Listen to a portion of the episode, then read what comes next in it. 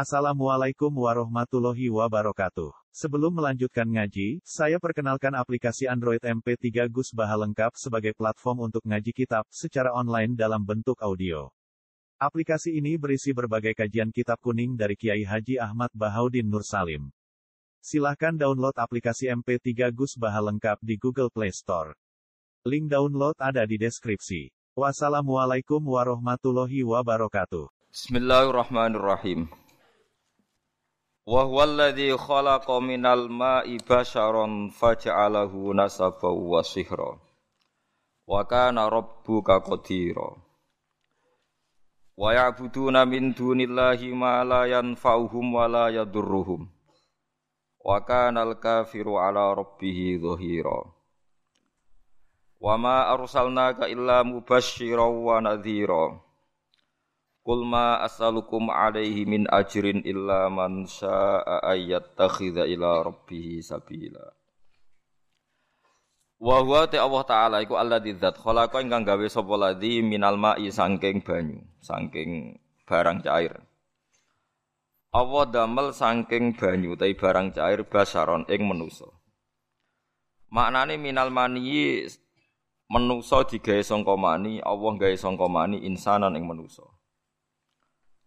Faja'alahu mongko gawe sapa Allah taala hu ing mani utawa hu ing mak utawa ing basar digawe nasaban ing sing duwe urutan nasab. Faja'alahu mongko gawe sapa Allah taala hu ing basar digawe nasaban ing sing duwe silsilah nasab. Dana sabin tegese sing duwe silsilah nasab, sing duwe silsilah urutan nasab. Wasihra lan Allah gawe ing besanan utawa mertua besanan. Dasihren tegese sing duwe besan. Bi ayata zawwaja dzakaron kana unsa talaban ditanasul Faja'alahu mongko gawe sapa Allah taala hu ing basar. Digawe nasaban ing duwe silsilah nasab. Dan nasabin tegese sing di silsilah nasab. Wasiron nan wong digawe iku sing duwe silsilah utawa komunitas utawa perkumpulan musoharoh perkumpulan mertua Ya sihrin tegese sing duweni mertua, duweni bisan cara Jawa bisan. Bi ayata zawaja gambare arep ento ngrabi sapa wong dakaron ing wong lanang kana anane sapa wong aun utawa wedok. Oleh rabi utawa oleh ngrabi tolaban krana golek. Golek litanasuli maring turunan, maring turunan nggih. Naslun manane turunan. Wa kana lan ana sapa rabbuka sapa pangeran sira ana iku qadiron iku zat sing kuwasa banget.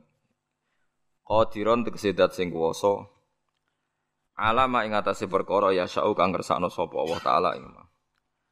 Alama ing atase perkara ya syau kang ngersakno sapa Allah taala ing ma. Wa ya'buduna min dunillahi ma la yanfa'uhum wa la yadurruhum wa kana al-kafiru ala rabbih dhahira. Wa ya'buduna lan padha nyembah sapa kufar ayil kufaru tegese wong kafir min dunillahi saking salehane Allah. Nyembah mak ing perkara layan fa'u kang ora manfaati apa mahum ing kufar bi ibadati kelawan nyembah ning mah. Disembah ya ora manfaat wala durhum lan ora bahayane apa mak ing kufar bitarkiha kelawan ninggal ibadah. Wa tema iku alas namu pro-pro berhala utawa pokoke sesembahan liyane Allah wa kana lan ana sapa al kafir wong kafir. Ala rabbih ing atase pangerane wong kafir zahiron wong sing wani, muainan tegese nulungi li setani maring setan bitaati lan taat ning setan. Wa ma orang utus ingsun ka ing sira ilang basyiron kecuali ngekeki berita gembira bil jannati lan swarga wa nadhiran lan ngekeki berita peringatan to meden-medeni mukhawifan tegese meden-medeni minan nari sangen neraka. Subhanallah. Kul ngucap sira Muhammad ma as'alu ranjal ingsun kum ing sira kabeh alih ing atase iki dakwah utawa ing atase iki la tabligh. Ala tablighi ma ing atase nyampekno perkara ursil tukang den utus ingsun bihiklan ma. Aku ora njaluk min ajrin saking opah apa. Ilaman kecuali wong lakin man tetapi ne wong. Syaa kang kepengin sapa man. Ayat takhida ing yen ngalap sapa man gawe sapa man ila maring pangerane man gawe sabilan ing dalan. Tori kon tegese dalan. Bi infaqi malihi kelawan nginfakno dunyane man oleh nginfakno fi mardhatihi taala ing dalem pira-pira barang sing dadekno ridane Allah taala Nabi ora njaluk dhuwit, tapi nek ana wong sing urun niate golek dadi parak ning Allah, niku Nabi wajib menerima dan tidak boleh melarang. Fala amnahu mongko ora nyegah ingsun hu ing man mindalika saking ngamal sing ittikhad ila rabbihi sabilan. Wa tawakkal lan tawakkal sira Muhammad alal hayy ing atase zat sing urip, sing gesang terus, alladzi kang layamu tukang ora bakal mati utawa ora mati sapa zat. Allah iku zat sing selalu hidup. Wasabbih lan maca tasbih sira mutalabisan hale wong sing nglanggoni. Nganggoni maknane bersamaan bihamdi lan yo muji Allah. Aja maca tasbih tok yo muji pangeran. Ekul Tegese ngucap sira Muhammad subhanahu walhamdulillah. Wa kafalan cukup sapa bihi Allah bi dzunubi ibadi lan pira-pira salah kawulane Allah, Allah nyukupi apane khabiron oleh mirsani. Aliman tegese oleh mirsani. Ta'alaqo dadi ta'aluk bihi kelawan dawuh khabiran apa bidunubin huruf jar niku lho maksude bidunubin ana jar majrur niku ta'aluke mek lafat khabiran. Wa huwa alladzi khalaqas samawati wal ardi. Kula terangaken nggih. Niki rungokno tenan kula terangno masalah nasab ya. Dados nasab sing diharamno kawin niku pitu, nggih. Nasab sing diharamno kawin niku pinten? Pitu. Niku khurrimas alaikum napa? Ummahatukum wa banatukum wa akhwatukum wa ammatukum wa khalatukum wa banatul akhi wa banatul ukhti. Niki penting kula aturaken jenengan ra usah sensitif. Pokoke masalah hukum iku cocok ra cocok ra usah napa sensitif. Agama itu mengharamkan atau melarang adopsi ngangkat anak. Kalau terpaksa ada orang, ngangkat anak itu harus dicatat nasabnya dan dimaklumatkan di keluarga anak yang diadopsi maupun keluarga yang mengadopsi. Karena nanti ditakutkan terjadi ikhtilatil ansab. Nggih kula terjadi ikhtilatil ansab, percampuran apa? Nasab.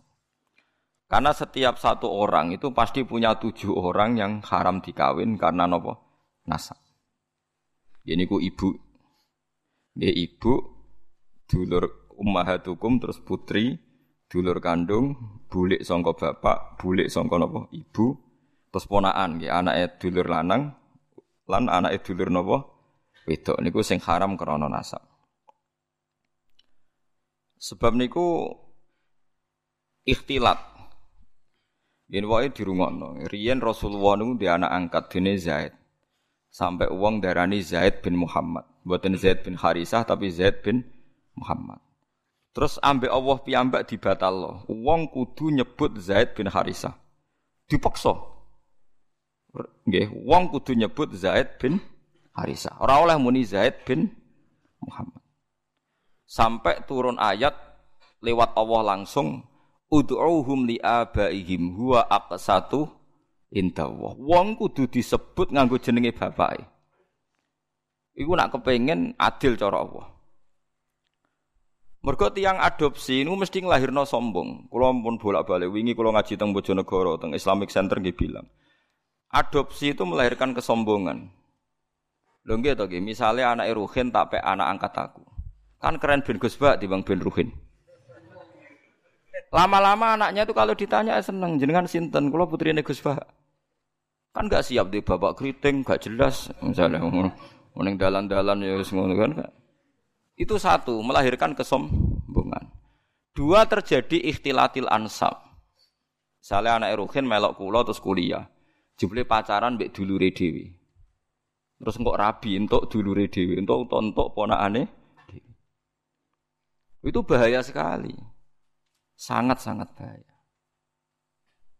Kalau mau cerita tentang budi-budi ketika saya memberi makalah tentang adopsi ini wonten kiai sikoh bisa dipercaya cerita. Itu ono wong di anak angkat yang Jakarta. Yang nganterkan tuh Pak D-nya.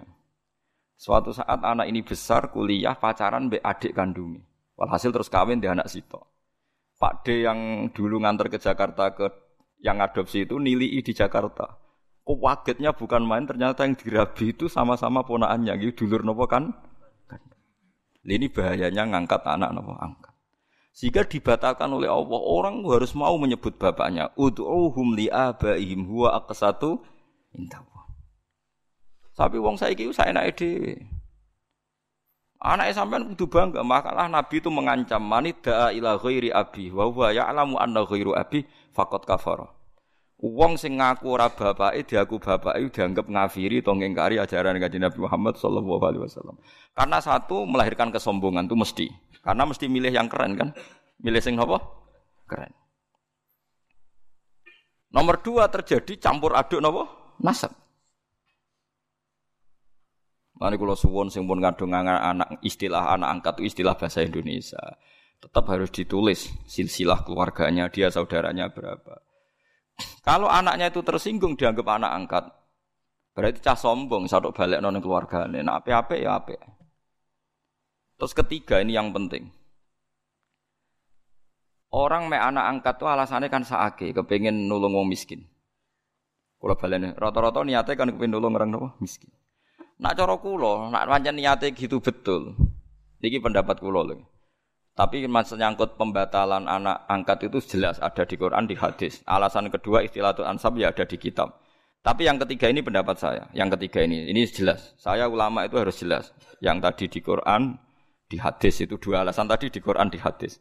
Yang ketiga ini saya pribadi. Dan saya yakin saya benar. Kalau Anda tidak sependapat dengan saya berarti ratau mikir. Ora kok sampean luwih napa? Bener. Misalnya aku anak angkat Ruhin. Terus sakit, roca keriting, keluar, nak keluar, sampai anak angkat. Sedih cek cilik, kini cek imut, orang tua wanan ini gitu. Coba yang no saiki. Kan cilik kan lucu ya, keriting, lemu, putih, kan, sampai anak angkat. Nah itu kan misalnya Ruhin kan wis serai-rai kakian pola kan. Terus minta sepeda motor Tiger atau Nexon atau Ninja gitu. Kan berarti saya kalau nuruti anak angkat karena dia sudah kayak anak saya kan mungkin tak turuti. Tuku sepeda motor 30 juta. Dia umur 16 tahun tak tukok no sepeda motor karena dia kayak anak angkat, anak angkat 20 juta. 20 juta itu kalau saya niat baik, sementing tak kayak wong fakir miskin atau tak kayak santri, itu dapat berapa santri?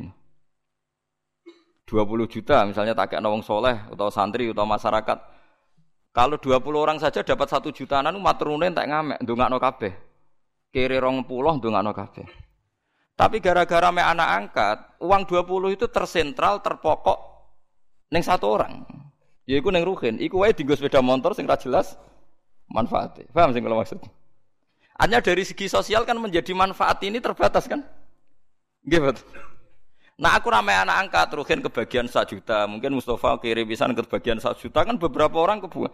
Karena saya ada harus terfokus mikir cakriteng, paham gak? Lo tenan, paham tenan tuh. Lo kayak boleh menentang pendapat saya boleh, saya pastikan ini pendapat saya. Tapi kan iso globalnya, paham tuh? Artinya kalau orang enggak rugen dewasa tak kayak noma, entek satu juta. Alasannya saya rugen anak umlarat. Andai kan aku gak main anak angkat, mungkin 100 juta lebih ke orang orang banyak. Tapi tetap boleh loh main cowok, tapi cara kula nggih sekadar ya. Ya sayang, tetap kembalikan ke keluarganya, dibiayai saja. Itu dia mendapat kasih sayang keluarga, dia tidak sombong. Paham ya? Lo soal ingin spesial ya spesial saja, misalnya sama ranti anak. Nah kecuali mungkin ada pengecualian darurat, sampean nggak punya anak, nggak punya anak, ada ponaan atau keluarga, kamu anak kamu angkat. Tapi nasabnya harus tetap ditulis. Saya ulang-ulang, nasabnya harus ditulis. Karena ciri utama manusia yang disebut Allah adalah faja'alahu nasabah. Jadi orang harus jelas nasabnya. Jadi alasan ketiga tadi kelihatan. Kalau me anak angkat itu kan nanti semua aset itu kan terkonsentrasi. Itu mau Biasanya wong lomo orang puluh juta dibagi wong akeh gara-gara di anak angkat satu mungkin hanya untuk beli nopo sepeda motor. Sepeda motor, mulai cak keriting ngono sembawa weling sanggup sak juta. Tak sedino, padahal mau tak kayak fakir miskin sak juta cukup sak bulan kan. Ya sehingga Sampean ndak usah tersinggung. Kalau mau cerita hukum, sehingga sirinya kenapa Rasulullah itu orang paling dicintai Allah dan punya hiburan nganak ngepek anak angkat yaitu Zaid bin Harisa itu dibatalkan oleh Allah sendiri, dibatalkan oleh Allah sendiri. Tapi jangan kira dibatalkannya itu dibatalkan total secara sosial buatan, dibatalkan secara hukum nasab. Sehingga semua sahabat yang dulu manggil Zaid bin Muhammad dimarahi Allah, suruh manggil Zaid bin Harisa. Paham gitu. Terus kula suwun sing wis kadung anak angkat ya ora usah dibatalno tapi nasabnya ditulis. Dan anak itu mulai kecil pun diberi pengertian kalau kamu anaknya ini, saudara kandungmu ini. Nah soal kue khawatir kok nang bocah tersinggung wong Jawa. Kamu harus lebih khawatir ketimbang nanti nasabnya kacau balo kawin mbek dulure dhewe, kawin mbek ponakane. Senengane kok nggo alasan rasa Jawa. Ora tau mikir nasib agama, dipikir nasib rasane wong Jawa. Soalnya kaya aku mbek Mustafa tuwa jenggoten corong Jawa wajib dihormati, sesat tapi dihormati Mustafa. Wong ra jelas jluntrunge kok apa dihormati. Harus pakai agama jelas. Orang dihormati karena alimnya atau karena lomane atau krono sabar melarate. Kudu jelas, kudu nyetor slip. Paham gak? Alasan dihormati. Gak mau apa misalnya ke nulis, ke saya fakir 10 tahun sabar. Jadi jenengan harus hormat saya. Kalau hormat siap pula. Mergo jelas kesalehannya. Dan saya siap sabar lagi sampai mati. Ya monggo nanti ditulis Umbru swarga syaratnya ngalim, kayak ngalim ya abot, suge, kadung ora suge. Paling mungkin ya melarat karena sudah kadung melarat. Itu syaratnya sabar. Sabar itu orang ngeluh. Orang ngeluh itu betah. Biasanya uang nak betah, be Allah diterus wis betah. Wong wis betah wae kan. Itu kan jadi repot. Jadi itu coba hitung ya. Alasan ketiga tadi bisa dihitung. Saya tuh punya pengalaman gitu. Saya punya saudara, punya keluarga, orang kaya, me anak angkat. Itu ya kebaikannya ya terkonsentrasi ter, ya itu tadi tergerus hanya untuk satu dua orang. Ya taruh saja tadi. Kalau orang punya uang 20 juta biasa diamalkan, mestinya bisa dikasihkan pondok atau fakir miskin bisa orang 20 30. Gara-gara anak angkat mungkin seleranya selera yang fuduli, yang yang enggak prinsip, yang sekunder misalnya untuk beli apa? Sepeda motor. Lah ngono anak yang bowling kok rugen anak angkate. Sepeda motor di aksesoris. Aksesoris sepeda motor larang pisan. Sepeda larang ngegenge ning mall. Wah ngentekno donya tenan. Nah itu kenapa? Menurut saya, kalau mau baik baik saja. Terus saya teruskan. Tapi teori saya ini ya tidak selamanya benar karena itu tadi yang dibatalkan hanya nasabnya saja itu yang pasti benar. Tapi Rasulullah itu ya unik. Ini cerita sisi Rasulullah. Rasulullah itu di putu jenis Hasan Husain. Hasan itu ganteng. Gak ada orang mirip Nabi kayak Hasan. Hasan bin Ali. Dia putra Sayyidah Fatimah sing sugeng kan namun Hasan kalian apa? Husain. Sebetulnya punya adik namanya Muhassin tapi meninggal. Hasan itu ganteng kan. Ganteng, putih, ganteng, nih kancing Nabi. Terus Usama itu sampean Rabi Zaid, itu Rabi untuk Ummu Aiman. Nggih Zaid itu rabi untuk sinten umum. Pakai eh, Usama Zaid bin Harisa. Terus gak ada anak namanya Usama. Zaid itu dia anak jenis Usama itu wireng. Mungkin turunan wong ireng. Niku Kanjeng Nabi saweneng epol. Mergo anaknya anak angkate. Putu sangka anak angkat. Dipangku mbek Kanjeng Nabi. Sampai sahabat itu cara sahabat wong Jawa nak ngenyek Nabi jah mangku gula kopi perkara ini sitok sitok putih Sitok napa? Lah niku nak Usama umbelen. Meler itu, umbel ngerti umbel sampean. Cara kene apa? Umbel. Niku Sayyidah Aisyah kon nyisi ora gelem. Wis ora anake wireng. Umbelen. Sayyidah Aisyah kon nyisi ku. Mboten purun. Jijik cara Jawa. Sayyidah Aisyah kuwi ya anak wong sugih, perawan. Bojone Kanjeng Nabi kon nyisi cah ireng. Gak gelem. Niku di sisi Kanjeng Nabi dhewe. Sampai Aisyah iku iri. Tangan kue man kena umbele sama malah tangannya Kanjeng Nabi akhirnya. Jadi artinya gini, jangan kira Nabi itu melarang anak angkat itu terus tidak sayang ya sayang, tapi jangan menggantikan nasab, jangan menggantikan nasab. Malah disebut Quran ud'uhum li abaihim wa aqsatu indallah. Fa illam ta'lamu abaahum fa ikhwanukum fid dini wa mawalikum. Ini diatur. Sekarang orang bangga ngambil anak angkat macam-macam. Nah, kita kita sebagai ulama harus ngomong ini duduk perkaranya karena orang itu punya nasab. Ya, nanti terjadi ikhtilatil apa ansab. Nasab itu tujuh ya. Terus kedua ditambah nasab karena mertua, tak tuh dono hukumnya gini. Kalau nasab karena mertua itu dua sisi. Haramnya mertua itu bimujarrodil akdi. Jadi misalnya saya nikah dengan istri saya. Sekali saya muni kobil tuh nikah hawa taswijah bil mahril mazkur, itu otomatis saya sudah boleh salaman sama mertua saya. Sudah jadi mahram, mahram bil musoharoh. Namanya mahram bil musoharoh. Tapi kalau saya rabi ibunya, misalnya Ruhin nono rondo, kasusnya kancane bapak, bapak nanti konco, ini kisah nyata. Konco guru dan PNS, pegawai kemenak, pegawai depan. Uh, dekne iku wis wis maksudnya ya ora tuwa banget ya, pokoke duda. Karena dia sugih ning desa PNS wak sugih, ngelamar cawe itu. Sing baturi bapak. Ngelamar cawe itu, ya namanya ngelamar cawe itu semetu ibu, ibu iku rondo. Bareng roh ibu luwe ayu. Diwetuki terus spontan muni ngene. Bapak saja kaget, yang nemani kaget. Mungkin kalian jenengan terus pundi, Bu? Betul sampai anak itu dengan ibu ya dan gelem ibu aku gelem. ibu aku gelem padahal posisi rono apa ngelamar anaknya. Ibu aku gelem dari bapak aku ngedan. Bareng metu takoki bapak. Lho kowe piye sini-sini wong ngelamar anake kok untuk ibu. Wong iku Kang kan kancane bapak. Ayo ibu. Bareng wis kasil untuk ibu e terus dipertimbangkan jari sampean kan rondo anakmu ku perawan, payune gampang, penting ibu e mlaku sik terus rabi. Rabi sama ibunya. Lah itu kalau menurut agama, wis dirabil lah, wis akad, itu ada kemungkinan dek ini iso rabi anake. Nak urung dijima. Paham nggih?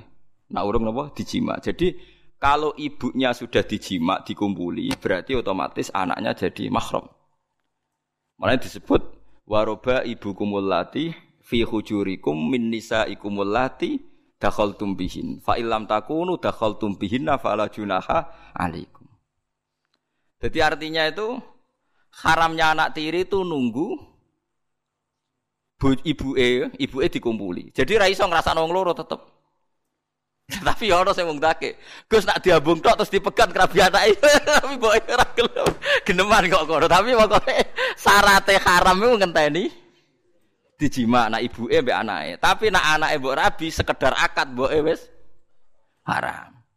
Tapi jare kancaku lho, pangeran wis pinter, Gus. Angger akad ambek cawe itu kan otomatis mboke haram. Lah masih dihalal ya ora gelem wis tuwek, Gus. Wah. Jadi pengiran wis pinter, pengiran ora pinter buahmu. Lah iya bangkune to mus misale kayak serabi mbek bojomu kok seneng mboke kemungkinannya kan kecil mergo wis tuwa kan. Ya kelainan barang Mas itu. Ndak ben sampean roh hukum nasab. Berarti nasab berapa tadi? 7 ditambah 2 ditambah keluarganya istri. Terus ditambah ketiga yaitu rodo. Makanya Quran nyebut hurrimat alikum ummahatukum wa banatukum wa akhwatukum wa ammatukum wa kholatukum wa banatul akhi wa banatul ukhti. Terus wa ummahatukumul lati ardo'nakum. Terus wa akhwatukum minar. Lah nasab sebanyak ini tuh akan hancur lebur ketika adopsi itu tidak menyebut nasab karena akan kacau balau. Kacau baloknya adalah orang pakai nasab bapak adopsi kemudian tidak diketahui bisa saja suatu saat rabi ponaane pacaran BADE yang sekarang dunia nopo glo global. Nanti rata-rata diberi sanksi pangeran. Wong sing anak angkat itu rata-rata dikai sanksi pangeran. Karena Allah duwe sunnah, orang yang menyalahi aturannya pasti di dunia pun ada sanksinya. Bukan hanya nanti di akhirat, di dunia pun ada sanksinya. Makanya kalau suwon apa sayang sangai kayak kanjeng Nabi setelah dibatalkan Allah ya tetap sayang sampai Usama. Saking sayangnya nganti Nabi nyisi umbel itu. Usama sampai Hasan nak jejer Usama sampai sahabat gojolkane gula napa kopi. Kudu angger Nabi angger jamaah digendong. Hasan sinten Hasan mbek Usama napa digendong sampai gelare Usama khibu Rasulillah. Usama wong sing banget disenengi Kanjeng Nabi. Jadi gelare Usama teng sahabat Usama khibu Rasulillah. Kalau ada banyak buku tentang Usama. Tapi kan sampean ngerti, jadi ya ya ini ini ini fatwa, ya ini fatwa. Jadi aturan hukumnya gitu. Ud'uhum li abaihim Wa satu inta Wong diundang sesuai jenenge bapak. Paham ya? Jadi wong kudu bangga mbek bapak iku kudu bangga. Cek ndak, cek keriting, cek randi dhuwit, wong kudu tetep nyebut jenenge napa? Bapak. Ya supaya tadi tidak terjadi ikhtilatul apa? Ansa. Makanya kalau suwon yang ngaji saya di sini, minimal sampean tuh apal tujuh orang yang haram kawin. Itu jenenge mahram, orang yang nggak boleh dinikah. Lah orang yang nggak boleh dinikah ini oleh ahli fikih disebut mahram. Ciri utamanya mahram itu kalau megang nggak batalkan wudhu. Jadi gue demek ponakan ora batal, demek sinten tadi. Bulik bude tidak batal. Jadi nak sholat salim bek bulik bude tidak harus wudhu lagi karena mahram. Lah yang boleh dikawin itu orang lain. Disebut ajnabiyah. Mergo wong oleh dikawin itu jenenge orang lain disebut napa? Ajnabiyah. Jadi saya dengan istri saya, bojoku jenenge ajnabiyah. Berhubung ajnabiyah anak nyekel bojoku ya batal wong gak mahram. Tapi wong Indonesia itu lucu, anggere bojo jare wis keluarga, berarti mahram. Bojoku ora mahram, nak mahram ora oleh dikeloni, paham ya? Lho gitu. Nganti oleh dirabi perkara nih. Wong liya ajnabiyah. Mulane oleh yen di duwe akeh bojo ora roh ya oleh wong liya wae paham ngono. Tapi nafakohi wong mbok keloni ngono. Dadi tetep itu agama. Tapi wong saiki salah kaprah, bojo sak dhuwure anak. Lan riyen bapak nak ngajari kula ngene. Kowe kudu luwih sang anak timbang bojo. Bojo misale mbok pegat ya wong liya, mbok tinggal mati ya wong liya. Lah anak-anak ora kena mbok pegat. Akhirnya ajaran ini kalau terus no, tapi anak buahku udah siap. Nak bojo kula siap bendina tak didik ngono. Ki jogemen nantang hukumnya Allah mbek Rasul dosa ya. Ngene gertukaran mbek anak kula siap-siap kalah. Paling tekadakno bapak ayo belo anaknya. Ya yes, misalnya aku belo coba ajaran saya itu pasti benar. Misalnya aku belo anakku, rugimu apa iku ya anakmu. Kowe kok egois. Nah, lu coba ruginya apa seorang ibu? Misalnya saya bela anak saya, terus bojoku "Mak anake dibelo aku ora dibelo." Memangnya anak saya anak sopo?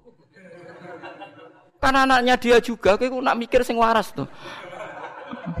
Jadi ajaran saya itu kan normal, ya salahnya di mana coba?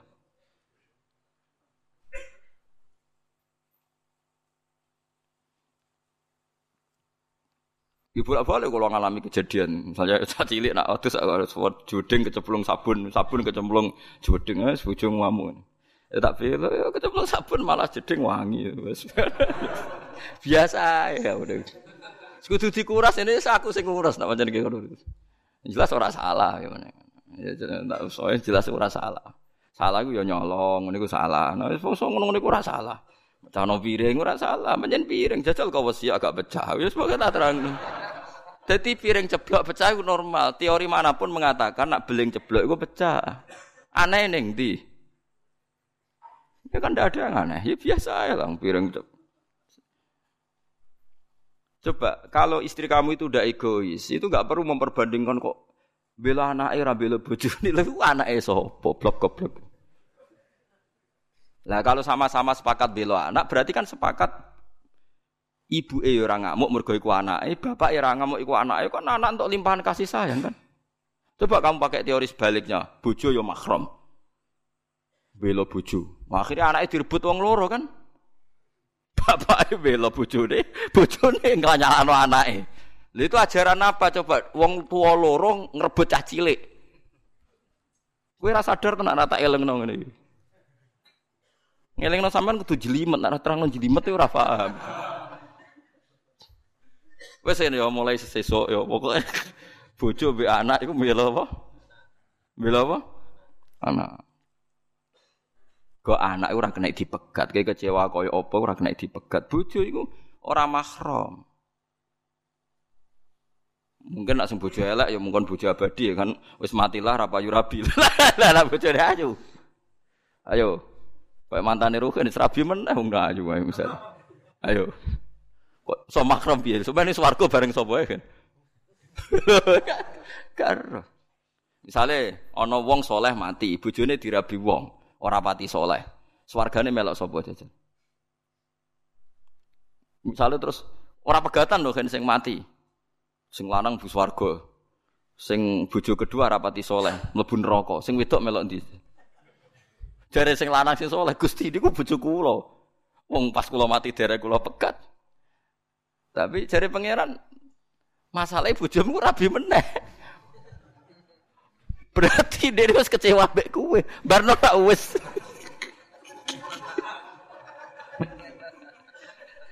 Lah wong itu iku misale sing lanang kok mati meneh, sing wedok kan iso rabi meneh. Lah terus bojone sapa? Nak karuan pegatan kan berarti dianggap lain dengan kesadaran suami. Sing tinggal mati misal. Nah, itu menunjukkan nasabnya bojo gak permanen, disebut ajnabiyah. Halali dikumpuli mergo dine, tapi statusnya tetap ajnabiyah. Makanya Imam Syafi'i berpendapat megang istri itu batal karena statusnya ajnabiyah. Tapi ada ulama lain yang mengatakan megang istri itu udah batal. Tapi alasannya karena yang batalkan hanya jima, itu madzhab Maliki. Itu, udah hanya istri, mau megang orang lain pun enggak ditutui wong liya yo. Yo batal.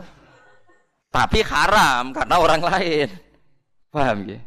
Kok terus kira batal terus wong liya mbok cekel nggih mboten. Maksudnya ora batal tapi haram. Makanya kalau orang haji itu disuruh intikal madzhab. Karena kalau orang haji pas tawaf kan pasti megang perempuan lain kan? Ya mesti kepegang kan? Itu disuruh nopo intikal madzhab. Tapi tetap haram kalau sengaja. Dijelas gitu. Ini disebut faja'alahu nasabau Musohara itu keluarga bisa. Nah makanya kawin tuh disunatno wong liya, wong liya iku sing adoh. Misalnya misanan tuh dianggap masih mekruh, khilaful aula. Yang baik itu ya wong adoh. Lah wong adoh pentingnya nanti ada komunitas yang kuat. Ini ku riyen sing masyhur ge Rasulullah nu nekai Juwairiyah. Juwairiyah niku imro'atun mim Banil Mustolik. Setelah Nabi nekai Juwairiyah ku sak kawasan Banil Mustolik yang dulu musuhi Nabi langsung seneng Nabi perkara ini besan. Gak pantas tukaran mbek napa? Besan. Makanya orang-orang Banil Mustolik terus memaklumatkan asharu Rasulillah. Jadi banyak sahabat yang ditawan orang Banil Mustolik. Juga sebaliknya orang sahabat menawan orang-orang Banil Mustolik zaman perang. Tapi ketika Nabi menikahi Juwairiyah langsung sama-sama ngelepas tawanan. Gak pantas bisane Nabi ditawan. Kan ya lucu tuh. Pak Dini bujuni Nabi ditawan. IP ini akhirnya dicolno asharu napa? Rasulillah. Abu Sufyan itu musuh besar Kanjeng Nabi, sak urip-uripe musuhi. Anaknya Abu Sufyan itu mukminah melok hijrah teng Habasyah. Lala teng Habasyah bojone kabundut. Bojone kabundut mbek Raja Habasyi dinekahno Nabi. Waline wali hakim zaman. Abu Sufyan krungu. Krungu Nabi wis posisi mantune. Ya akhirnya Abu Sufyan taslim. Ashar. Ashar wis besanan.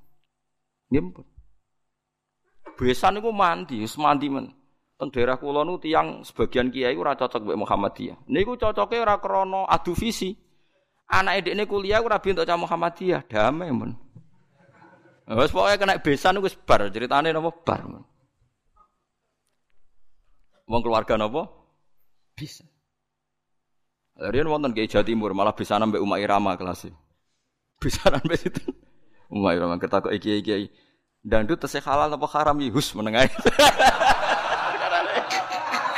besanan wis sinten? Mahir apa? Tenan iku mboten jarin. Terus haram to dangdutan. Hus perkarane ashar menapa? Ashar. Disebut faja'alahu nasabau wasi. Mulane besanan itu penting. Nggih pentingnya wow, menjadi komunitas. Mulane besanan nek iso beda desa, beda keluarga. Nggih, dadi kesunatan nikah iku nek iso iku rantuk keluarga. Tapi nak wong liya gak prospek ya monggo nak terpaksa untuk untuk misanan. Nak terpaksa. Ya terpaksa itu misalnya kayak zaman Nabi itu memang nggak ada pilihan Sayyidah Fatimah itu harus nikah sama Sayyidina Ali. Tapi itu ramisanan pas, misanan ponaan. Kadang ada orang yang bantah, lah Fatimah konto Ali. Sayyidah Fatimah itu binti Muhammad binti Rasulullah bin Abdullah bin Abdul Muthalib. Berarti Fatimah dia abah Rasulullah, dia abah Abdullah di Abu Abdul Muthalib. Ali itu Ali bin Abu Talib bin Abdul Muthalib. Jadi Fatimah itu tidak misanan, ponaan misanan. Fat Sayyidina Ali misanan itu dengan Rasulullah bukan dengan Fatimah, paham ya? Gitu, Ali bin Abi Thalib. Muhammad bin Abdullah. Sayyid Abdullah itu kakaknya Abu Talib. Berarti yang misanan Sayyidina Ali dengan Nabi apa Sayyidina Ali dengan Fatimah? Dengan Nabi, paham ya? Berarti dapat Fatimah itu untuk ponakan apa? Misan. Kadang wong salah kaprah nyongkone Fatimah iku mboten. Nah, nek iso niku rabi iku untuk wong ado. Nah iso nak payu maksudnya maksudnya ini kan bakas. Ya nak payu wis piye meneh, Mas. Setahu saya keluarga fanatik rabi keluarga itu kalau bodoh besar ya sido kiri. Tapi itu saja untuk minduan, ya untuk minduan ming telu. Yang misanan cer ya jarang, hampir gak ada. Padahal fanatik dapat keluarga tapi ya ming telu, ming papat gitu. Ya karena percaya orang luar itu kan ya tidak meyakinkan juga kan. Hmm, soalnya terus untuk uang jelas ya kan ya repot juga. Eh disebut apa faja'alahu nasabau wasiro. Jadi eling-eling ya nasab itu Nah terus kalau orang zina itu nasab itu hilang, walinya hakim. Jadi banyak pertanyaan di masyarakat, misalnya ada orang hamil di luar nikah, dia hamil di luar nikah. Itu terus dengan kesadaran dua sejoli ini terus diminta dinikahkan kiai. Anak produk gelap ini tidak bisa dinasabkan ke bapaknya. Ya. Karena agama itu hanya ngakui nasab kalau akadnya sohih, kalau akadnya sohih. Sehingga ini nanti kalau lahir anak perempuan, walinya itu tetap tidak bapaknya. Paham ya? Meskipun jelas-jelas bapaknya yang bersetubuh, walinya itu hakim. Karena agama hanya ngakui nasab yang dari bapak lewat akad sohi. Makanya sering kejadian di masyarakat itu. Wes hamil lagi kawin. Itu kalau mesti pesen sampean tobatnya diterima Allah karena sudah kawin. Itu harus didukung harus didukung. Bagaimanapun dengan menikah kan menghilangkan zina kan kalau dia tetap berhubungan kalau tidak nikah kan malah malah zina. Ya ono kiai sing wong wis ora bener kok dinikahno itu salah besar, malah cepet dinikahkan supaya hubungannya halal. Tapi nanti anaknya ini nanti nggak boleh jadi diwaleni nopo. Saya itu pernah menikahkan orang yang kasusnya seperti itu. Ya saya bilang di naibnya, ya sudah istilahnya walinya bapaknya tapi walinya tetap naib itu tidak bisa. Karena nasab yang diakui syariat itu yang biakdin apa? Sohi, yang lewat akad apa? Sohi.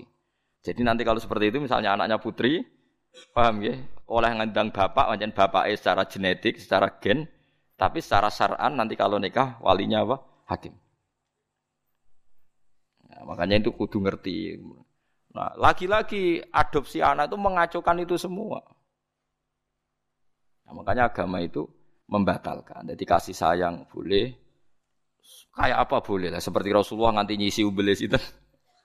Usama, tapi nasabnya tetap Usama bin Zaid bin Harisah. Harus jelas. Usama bin Zaid bin Harisah. Tidak boleh dibilang Zaid bin Muhammad.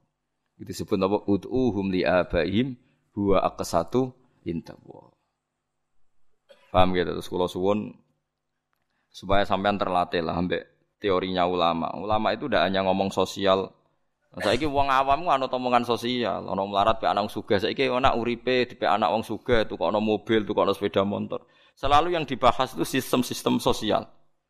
Saiki kepenak uripe penak dipek wong sugih. Agama itu tidak mikir itu toh. Agama itu mikir nanti kelanjutannya nasab tuh kayak apa. Nanti kalau kawin sama makromnya. Terus yang ketiga ini yang perlu sampean ketahui. Ini yang paling ngeri.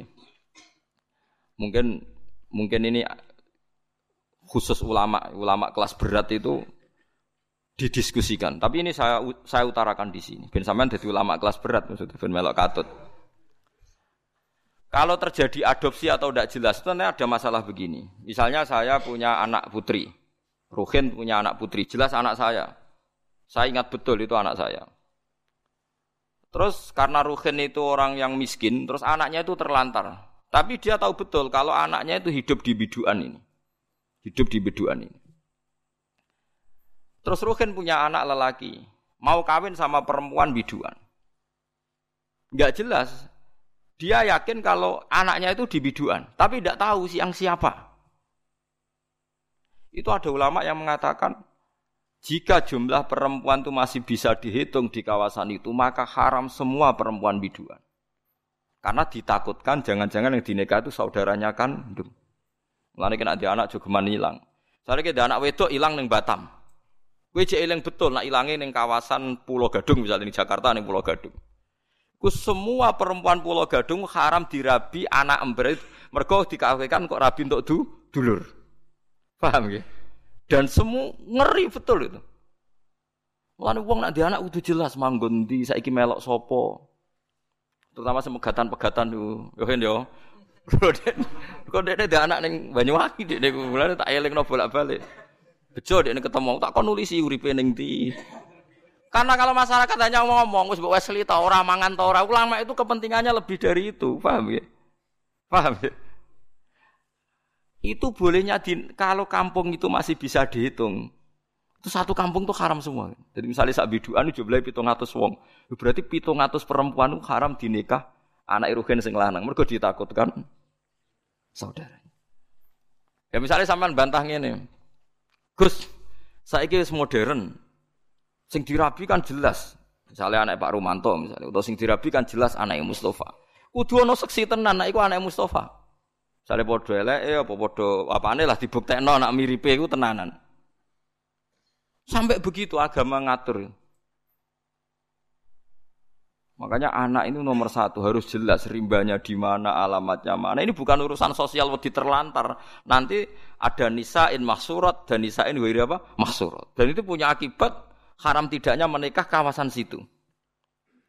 Nah, kecuali orang maksurot, kayak kasus orang-orang Arab yang di Indonesia itu, yang kan ada itu peneliti Mekah yang punya keluarga itu dulu kan banyak ketika ada revolusi Wahabi, itu banyak ulama Sunni yang diusir, sebagian hidup di Indonesia. Kayak keluarga saya, Syekh Umar bin Jabbar, banyak yang hidup di Indonesia. Dia yakin bahwa anaknya di Indonesia. Karena dia sempat nikah orang Indonesia, punya anak di Indonesia. Bawang Banyumas, bawang Kudus. Dekne mamang. Lah berita di Arab pokoknya dekne yakin nak anakku sing Indonesia wedok. Terus anak lanang dia mau nikah orang Indonesia. Lah iku oleh asal ukurannya Indonesia, tapi nak disebut kayaknya di kawasan Banyumas, pas itu isunya di Banyumas. Ya satu Banyumas nggak boleh semua. Tapi tidak sampai satu Indonesia gitu. Paham ya? Masa Indonesia ya, ya repot tuh kan. Tapi tentu sekarang itu orang sudah modern ya. Artinya modern itu misalnya sing dirabi kok pesek cili gak mungkin nama anak bapak ini kan ya nanti ya tetap ada lah tapi secara umum akibatnya sampai begitu jadi saya cerita akibatnya itu sampai sampai begitu nah yang memperkeruh keadaan lagi-lagi tadi anak angkat. Kalau anak angkat gak diketahui itu sama dengan anak hilang kan? Lho tuh kan? Terus apalagi di Nyon Sewu ya sekarang di kamuflase pakai masuk C satunya misalnya paham ya masuk kartu apa? Keluarga binnya sudah tercatat. Bin bapak yang apa? Baru? Wow malah. Makanya sampean kalau bilang ini ada si satunya Gus bukti kalau anaknya ini. Siapa yang menjamin kalau dia ada bohong gitu gitu yang menjamin siapa kalau si satu ini nggak palsu Oke kan gereleng misalnya Ruhin di anak wedok di anak angkat wong Jakarta wong Pulau Gadung ini misalnya Ya yes, pokoknya anak Ruhin sing lanang iku anggar pacaran mbek Pulau Gadung apa rabi. Ruhin kudu muni ra oleh. Ojo ning kono iku ana dulurem kandung mbok tipe anak sapa? Bapak ya lali. Lah bapak piye anak kok lali? Lah itulah masalahnya bapak.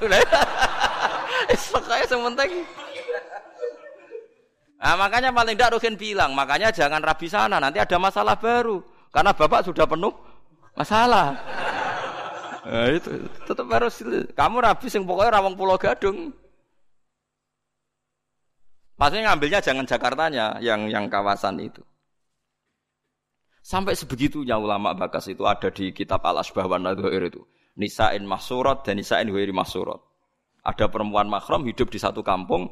Kalau kampung itu bisa diidentifikasi berapa jumlahnya itu satu kampung menjadi haram semua. Jadi misalnya saya dengar isu di kampung situ ada ponakan jenengan ke sana ono kakak jenengan anaknya kakak jenengan tapi aku raro persisian ponakanku sing pokoknya kakakku yakin misalnya uripe anaknya neng kono itu satu kampung nggak boleh saya nikah karena berarti kan nikah ponakan nikah nopo ponakan ditakutkan mendapat ponakan sampai segitu Lalu kalau suwon anak dia anak wedok sing jelas, ya kan ya ditulis manggon ning di gitu. Ojo men diwaseli tok raine ra roh. Kok kula di pengalaman kula ora kiai. Kowe ra roh rasane dadi kiai, nek kula roh rasane dadi kiai. Ning dunia kiai pancen unik. Saya itu punya santri bawean. Nikah. Karena ndak mapan itu ya macam-macam lah. Karena ndak mapan tuh bapaknya kerja di Malaysia, ibunya dititip Nokia ini mondok. Jadi candalem. Anaknya juga itu. Itu lucu. Kalau anaknya nelpon bapaknya itu lucu. Pak cepet pulang. Saya takut lupa wajahnya bapak. Jadi anak itu rapal ini bapak. Tiap teko yo rawat ragilem dijak. Nganti apal lah iku bapak. Dan ngeris limang tahun, limang tahun bapak itu teko, roh cadulanan itu baro. Gue nak boleh takut, iku anak lundu. Coba kan bahaya juga kalau artinya tiap limang tahun wong rak ketemu ya roh anaknya gitu loh. Paham gitu maksud? Lah terus bisa hilang tenan kan jorani teh nih. Paham ya? Bahaya. Lah mulane kudu jelas. Ya kudu jelas, kudu nasab itu ditulis faja'alahu nasabau. Pasti itu paling apik wong Arab, Bono sampean. Wong Arab itu paling apik masalah nasab. Wong Arab sing ora sayyid sekalipun sing boten habib niku kudu apal nasabe. Jadi wong Arab Mereka karuan kados Rasulullah, kados habaib ku apal tenan misalnya. Wong kula mawon apal maksudnya nasab-nasab. Misalnya sinten itu apal kula kan. Mergi ngoten niku ini penting wow. Ora kok gagah-gagahan memang punya akibat setiap angkatan itu ada mahram. Setiap angkatan itu ada mahram. Wa eling-eling faja'alahu nasaba wa sihra wa kana rabbuka napa? Wa kana rabbuka napa? Qadira. Biasanya diwaca teng khutbah nikah. Ribet ora karuan nak maca barbar. Wala tamu usnani wala tariqani ila fi qadain wa qadar wa kitabu menawa ikut sebab kesembuh. Kulo ora tau maca khutbah. Kulo anggere kon khutbah nikah ajana bismillah nang kawin nang wis suwen temen. Kaya kawine wong mulya mbek wong mulya wae khutbah suwi kawin-kawin kepeksa di khutbah ra barbar. Tapi yang sing lanang wis ngeluh untuk caiku, mergo cek eleke, sing wedok ya ngeluh. Tapi takdir untuk iku wis pun kula waca gitu terus eling-eling nasab iku penting nggih faja'alahu nasabau wasiro. Makanya kalau ada nasab tidak jelas itu harus dirunut cari bapaknya. Dan itu yang paling sah ud'uhum li abaihim huwa aqsatu napa intam. Huwa ta'ala ta'ala ku alladzi dzat khalaqa ingkang gawe sapa ladi as-samawati ing pira-pira langit wal ardo lan bumi. Wa malan perkara benahuma antarane samawat lan ardh. Allah gawe visitati ayamen ing dalam masa 6 dina atau 6 masa 6 semacam-macam loh kiai mana namun 6 tahapan 6 masa min ayam dunya sange pira-pira dina dunya. Efi kodriha ing dalam kira-kirane enam dino, ya yes, kira-kira ngono. Kena apa kok dikira-kira li anahu krana sak temne kelakuan lam yakun ora ana iku sama ing dalam kono-kono panggonan zaman iku apa Samsun apa srengenge. Jadi ulama yo kadang cangkem elek, cuma ulama darani ngendikan. Maksudnya ngene lho logikane. Allah gawe langit bumi ku 6 dino. Lah 6 dino ukurane apa? Zaman iku srengenge rong digawe, terus ngukure dino nganggo apa, Jan? Lah yo cangkem wong. Wes kena cangkem mele, cuma ulama tetep darani ngendikan. Asline iku protes. Allah gawe langit bumi iku 6 dino. Lah 6 dino itu kan sedina kan srengenge terbit. Nganti sing lung srengenge wae urung digawe. Kok terus 6 dino iku ukurane apa? Ya misale kira-kira gawene Allah 70 jam. Lah nganggo jame sapa? Ngono jam maksudnya. Matekno wong. Lah gak usah dadi ulama. Ulama ora go julukan ya padha cangkem elek asline. Nah, cuma ulama darani ngendikan, perkara ini ya aslinya ya. Ngeten mawon di soal. Allah niku zat sing mukhalafatu lil hawadis. Allah ku zat sing beda mbek makhluk. Dan zaman rong zaman rong gawe makhluk beda mbek sapa? Ya ono ulama sing nyoal. Akhirnya dari ulama sing nyoal iku Allah beda mbek liyane ngono wae ora usah muni ambek makhluk. Jadi sehingga pokoknya Allah itu mukhalafatul lil ghairi, pokoknya Allah beda mbek liyane. Mergo nak muni beda mbek makhluk, lah zaman rong gawe makhluk beda mbek sapa?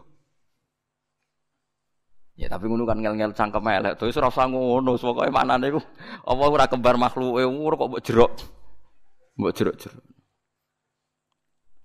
Mulane orang itu Imam Ghazali itu pernah digugat Ikhya itu dikarang ketika beliau masih sugeng itu digugat oleh ulama yang selevel Imam Ghazali. Banyak yang digugat. Itu satu-satunya jawaban Imam Ghazali. Saya punya jawaban Ikhya. Terus eh, nopo jenenge? Saya punya mungkin jarang yang punya kitab itu, tapi saya punya tag dari kitab Imam Ghazali menjawab kejanggalan orang pada Ihya. Menangi beliau masih sugeng, masih hidup. Itu di antara jawabannya itu begini. Fal ma'ani awsa'u minal ibarat. Eleng-eleng kok edah Fal ma'ani awsa'u minal ibarat. Di mana-mana namanya lafat itu tidak mengikat. Yang mengikat itu makna. Fal ma'ani awsa'u minal ibarat. Karena kalau nuruti lafat itu orang akan kriminal semua. Itu tadi misalnya contoh paling gampang. Ini contoh guyon tapi tenanan. Aku ngomong mbek Ruhin, Khen, Ojo geman nangani bojomu. Nangani itu sangka kata tangan. Maknane aja naboki bojom. Suatu saat aku dengar Ruhin itu nyadui bojone. Mergo kecewa. Hen, lah bojom kok mbok saduki? Eh, jenengan nglarang namung nangani, niki namung nyikili. kan ndak bisa. Kamu memanfaatkan lafat yang saya uraikan. Kowe aja naboki, aja nangani bojomu. Terus kowe menghindari ben ben ora melanggar kiaimu, Nah tak tabuki kan melanggar. Oh tak sadui wae. Mau tak kok iki ini, kan kok sadui. Jari jenengan sing haram nangani niki ngangge sikil. Tentu maksud saya aja nabu itu jangan berbuat kekerasan kan? Paham ya? Itu disebut fal ma'ani ausa'u minal ibarat. Tentu maksud saya aja nangani itu jangan berbuat kekerasan, cek baik dengan tangan maupun dengan kaki. Lo andai kan lafat bisa dipercaya berarti yang haram kalau pakai tangan. Paham sih kalau maksud? Paham ya? Makanya kalau Rasulullah ngendikan tasoddaku walau bisik kita merotin. Kue ku sodako senajan to sak cuwile kurma. Ya mbok praktekno tenan tuku kurma sitok mbok cuwil terus kok no fakir miskin ya wong edan. Maksudnya ulama, kabeh ulama sepakat, maksudnya iku kue sodako ambek kut. Kut itu makanan pokok. Artinya kalau konteks Indonesia yo dikekno napa ber beras. Dikekno beras mergo kut. Ora kok pepeh kepen mersisno dawuhe Nabi terus tuku kurma napa disigar. Lah Nabi nak ngendikan macam Nabi tiang Arab ngendikan yo tasaddaku walau firsana satin. Kowe sedekah senajan to sak sampile wedhus. Wong sing sedekah ora tau nyembelih wedhus kok ngenteni duwe sampile wedhus. Ya paling banter sampile pitik iku anggere gak tikus wis. Lah seperti itu karena tadi fal ma'ani ausa'u minal ibarat. Neng dinggon makna luwih luas tinimbang lafat. Paham ki? Paham ki? Lah sakniki tiyang niku do rapati ngaji usul fikih, pokoke kudu persis Nabi. Nak persis Nabi kena sedekah ya kurma terus sigar, mergo Nabi dawuh sigarane apa? Kurma. Aja uta wong dawuhe kon sigar. Nak sedekah iku kudu sampil wedhus aja daginge sampile. Moyo repot kan. Itu saya puas sekali saya baca jawaban Imam Ghazali. Jadi ketika beliau sugeng itu eh, makalah yang di Ihya itu banyak yang gugat. Terus beliau menjawab eh, jawab jawab iskal itu. Saya alhamdulillah punya kitab itu. Itu jarang yang punya, tapi saya alhamdulillah punya. Dan di antara jawaban itu beliau menjelaskan fal ma'ani ausa'u minal Karena ibarat ini pasti terbatas. Ya terbatas to. Misale kula ngomong mbek Ruhin tak jak mareng, wis kan mangan sak karepmu. Ya sak karepmu itu kan ya iso diukur kan. Wong dijajakno ku etikane piye. Wes ke nang omah kene kaya omahmu dhewe, terus ke mlebu kamar jupuk dhuwit ning kotak. Wes ora usah sungkan sanggepe omahmu dhewe terus buka kamar dhuwit ning kotak jupuk. Ana ATM dijuwi maksudnya dhewe kuwi wis pokoke mangan wareg ngono ora kok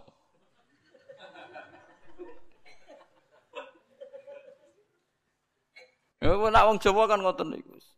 Ora usah bayar yo pokoke seduluran. Bareng di seduluran dikai mok 100.000, ambek dulur jemuk 100.000. Bahasa Jawa iki ora jelas. Saya nak kerja ning gone merasa mbok hitung profesional seduluran. Nah, seduluran itu malah larang. Mosok dulur mau dikai 100.000. Utawa maknane seduluran itu rasa bayar wong ambek dulur. Wah, ya repot. Mulane niki penting ya kula aturaken. Dadi fal ma'ani ausau minal ibar.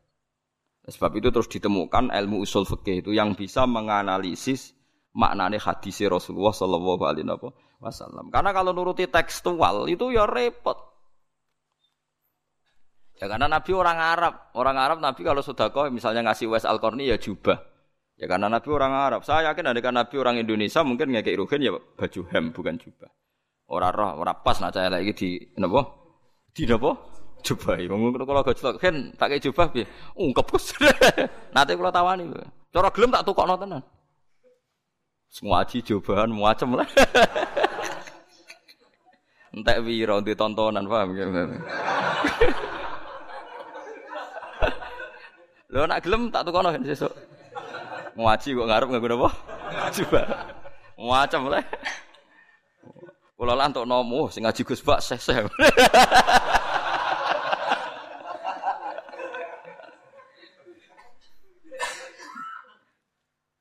Jadi paham. Ora maksudnya ora usah cangkem elek terus ana wong apa nggih langit bumi 6 dino terus ana cangkem elek. 6 dino ditung apa?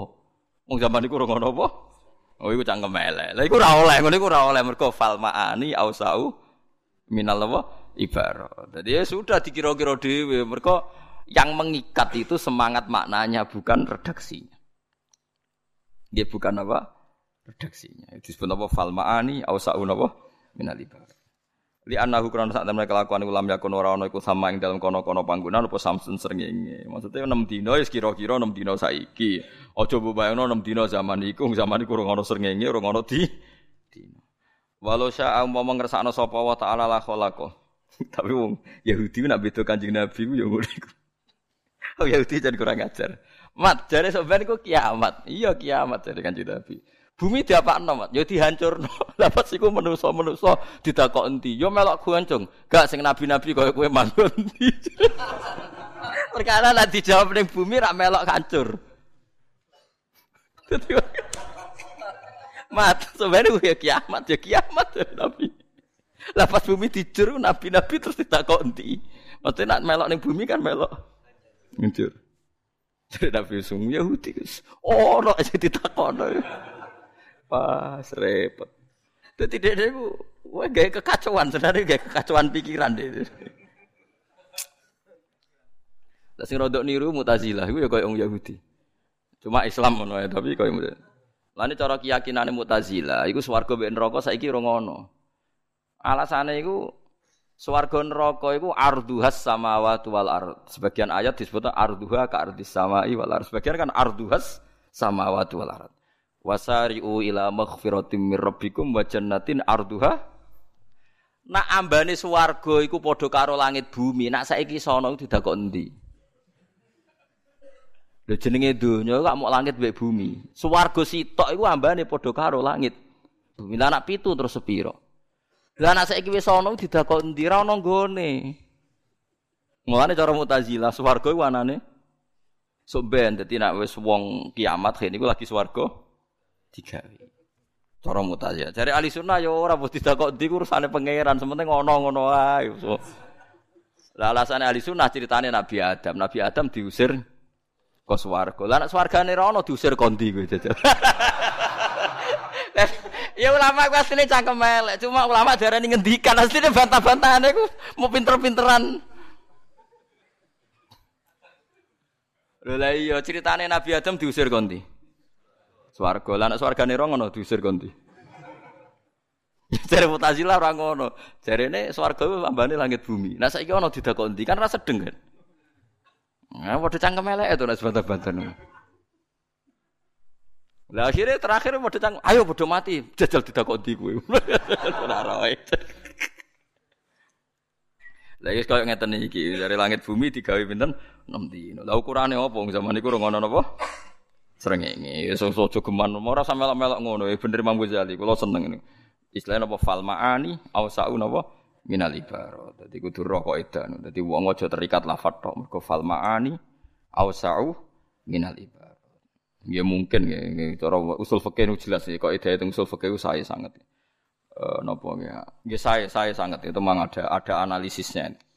Walau saya umpama mengersano sapa wa ta'ala la khalaqa iktine gawe sapa wa ta'ala guna ing samawat lan arat oleh gawe filam hatin ing dalam sak kedepan.